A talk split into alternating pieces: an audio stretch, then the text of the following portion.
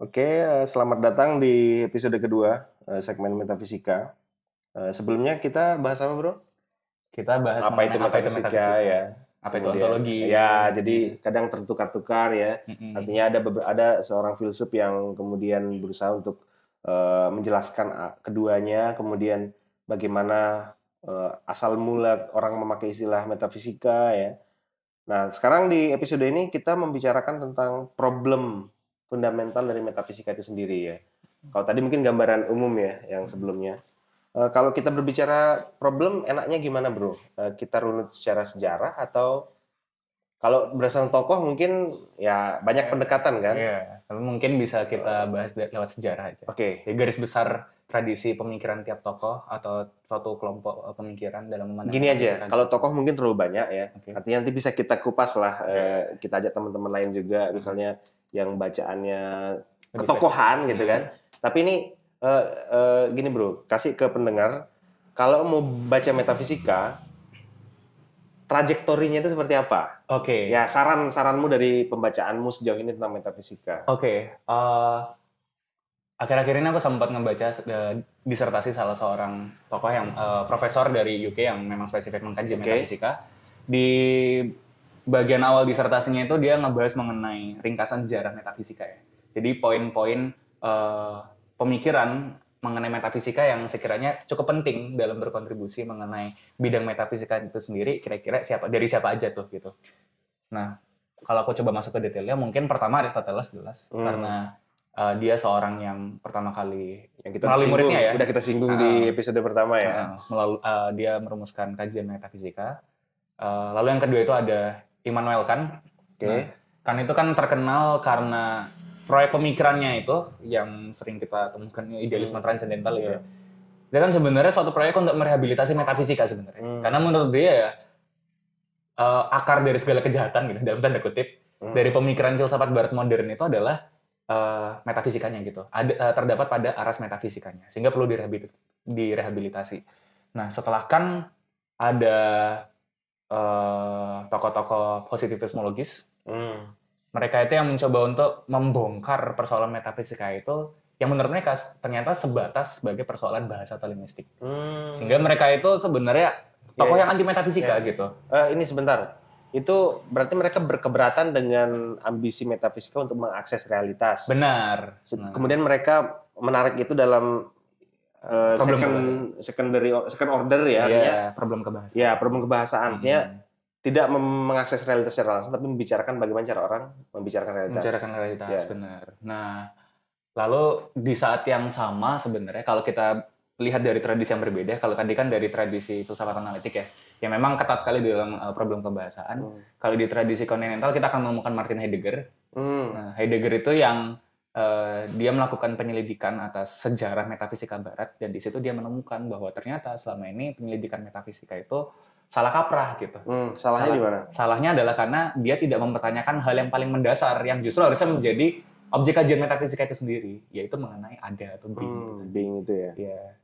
Nah, itu yang yang kemudian dia bahas tuh dalam bukunya Being Internet tadi. Aku pikir eh, kenapa Martin Heidegger juga penting dalam tradisi filsafat kontinental karena hampir seluruh pemikiran setelah Heidegger, terutama yang dari tradisi postmodernisme ya, Hmm. itu kan semuanya warisan Heidegger yang. Mengakar ke situ mengakar ya. pada Heidegger. Kita ngomongin Derrida, kita Benar. ngomongin yang lain. ya. Derrida, uh, Lyotard dan macam-macam. Nah, jadi aku pikir uh, Heidegger itu cukup revolusioner dalam mengkaji metafisika. Tapi kalau kita kembali uh, ke tradisi yang awal tadi yaitu tradisi analitik, setelah uh, positivismologis yang uh, sangat keras ya terhadap metafisika, Michael Friedman itu kalau nggak salah menulis uh, di bukunya mengenai sejarah positivismologis bahwa proyek positivismologis itu bisa kita rumuskan dalam suatu statement yang sederhana, yaitu perang salib melawan metafisika. Gitu. Salib mana? The Crusade Against Metaphysics. itu? Karena mereka ingin membabat habis gitu metafisika. Oh ya ya. Nah, tapi eh, ternyata itu gagal dan kemudian metafisika atau spesifik ontologi direhabilitasi oleh eh, Quine tadi, Willard Hmm. van Orman Quine. Quine itu di tradisi mana dia? Quine itu dia sebenarnya murid dari Rudolf Carnap. Hmm. Carnap itu adalah salah satu proponennya positivismologis yang anti banget sama metafisika dan Quine ini muridnya. Jadi dia mengkritik gurunya sendiri dan Hmm. mengatakan bahwa lo sebenarnya kerangka pemikiran kalian itu bermasalah sehingga implikasinya kritika terhadap metafisika juga bermasalah. Oke. Cuman kalau dari Cohen sendiri dia punya pandangan bahwa metafisika itu harusnya sorry ontologi spesifiknya itu harusnya naturalistik. Jadi sejalan sama sains tuh. Hmm. Artinya itu sejalan juga dengan pemikirannya secara umum bahwa kalau klaimnya yang cukup terkenal ya bahwa uh, philosophy of science is philosophy enough gitu bahwa filsafat ilmu itu ya cukup sebagai filsafat gitu. Artinya filsafat tidak mandiri dari sains gitu. Filsafat harus ngikut sains. Tapi setelah Quine ternyata kita masih bisa menemukan uh, metafisika itu sebagai sebuah disiplin yang uh, mandiri gitu. Disiplin yang otonom dari sains.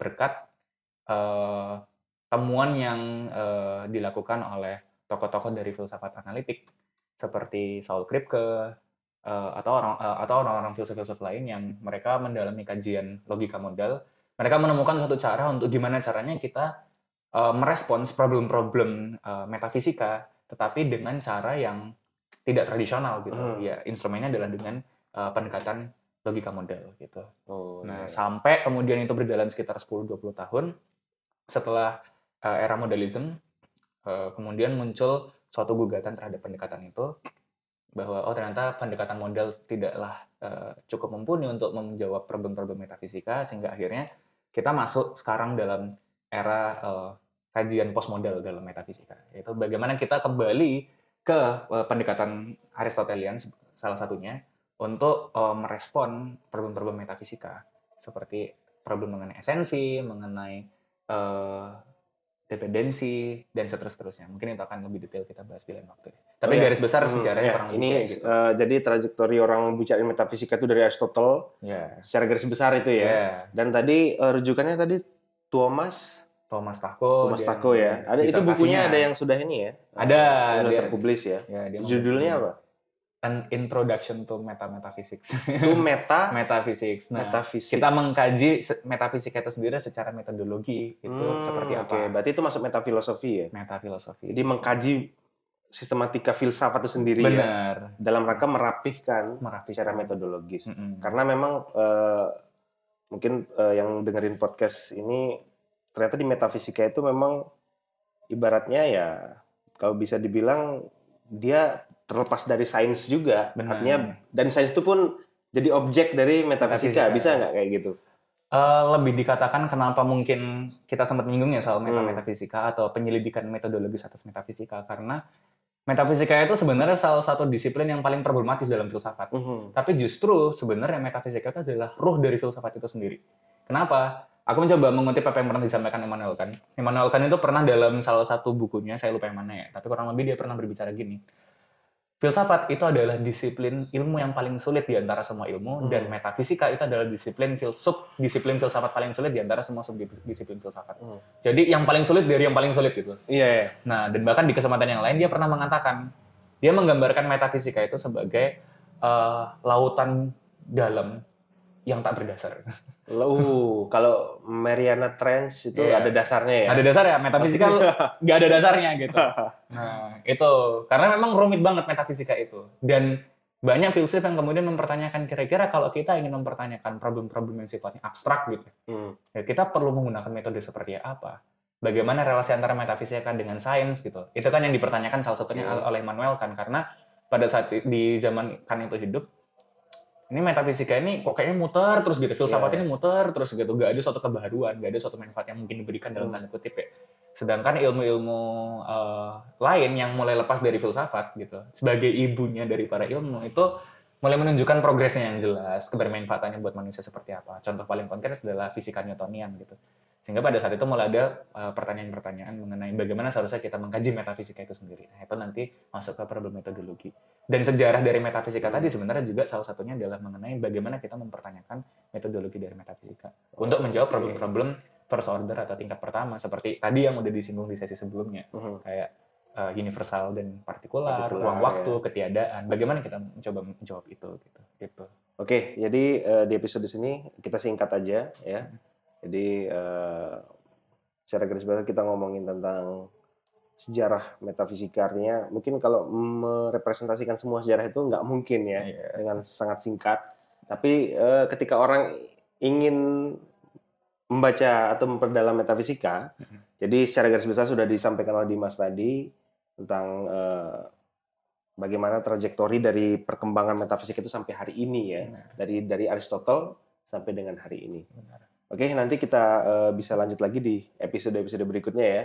Kita mungkin akan bahas lagi tentang eh, mengkonfirmasi tadi eh, beberapa pernyataan tentang bagaimana respon antar filsuf ya. Hmm. Tadi ada yang merespon gurunya, kemudian eh, antara positivisme logis apa eh, korelasinya dengan diskursus setelahnya misalnya ketika orang menarik ke tadi apa logika modal ya. Logika modal ya. Logika modal. Problem kebahasaan. Oke, thank you bro. Nanti kita lanjut lagi Oke. di episode berikutnya.